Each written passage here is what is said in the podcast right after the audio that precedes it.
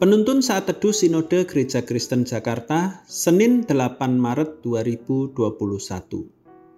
Mengerjakan keselamatan dengan kesungguhan hati terambil dari surat Filipi pasal 2 ayat 2 sampai 4 dan ayat 12 sampai 18. Karena itu sempurnakanlah sukacitaku dengan ini. Hendaklah kamu sehati sepikir dalam satu kasih satu jiwa, satu tujuan, dengan tidak mencari kepentingan sendiri atau puji-pujian yang sia-sia. Sebaliknya, hendaklah dengan rendah hati yang seorang menganggap yang lain lebih utama daripada dirinya sendiri, dan janganlah tiap-tiap orang hanya memperhatikan kepentingannya sendiri, tetapi kepentingan orang lain juga. Hai saudara-saudaraku yang kekasih, kamu senantiasa taat karena itu, tetaplah kerjakan keselamatanmu dengan takut dan gentar, bukan saja seperti waktu aku masih hadir, tetapi terlebih pula sekarang waktu aku tidak hadir.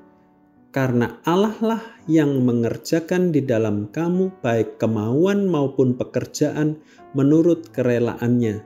Lakukanlah segala sesuatu dengan tidak bersungut-sungut dan berbantah-bantahan supaya kamu tiada beraib dan tiada bernoda sebagai anak-anak Allah yang tidak bercelah di tengah-tengah angkatan yang bengkok hatinya dan yang sesat ini, sehingga kamu bercahaya di antara mereka seperti bintang-bintang di dunia, sambil berpegang pada firman kehidupan, agar aku dapat bermegah pada hari Kristus bahwa aku tidak percuma berlomba dan tidak percuma bersusah-susah. Tetapi sekalipun darahku dicurahkan pada korban dan ibadah imanmu, aku bersuka cita dan aku bersuka cita dengan kamu sekalian. Dan kamu juga harus bersuka cita demikian dan bersukacitalah dengan aku. Apakah Anda serius dengan perkataan Anda? Tanya seorang pendeta kepada pengusaha yang sedang sekarat.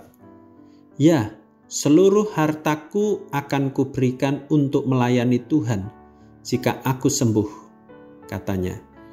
Setelah waktu berjalan, pengusaha tersebut sembuh, namun tidak ada sedikit pun harta yang ia berikan untuk melayani Tuhan. Pendeta kembali mendatanginya dan bertanya sekali lagi tentang janjinya.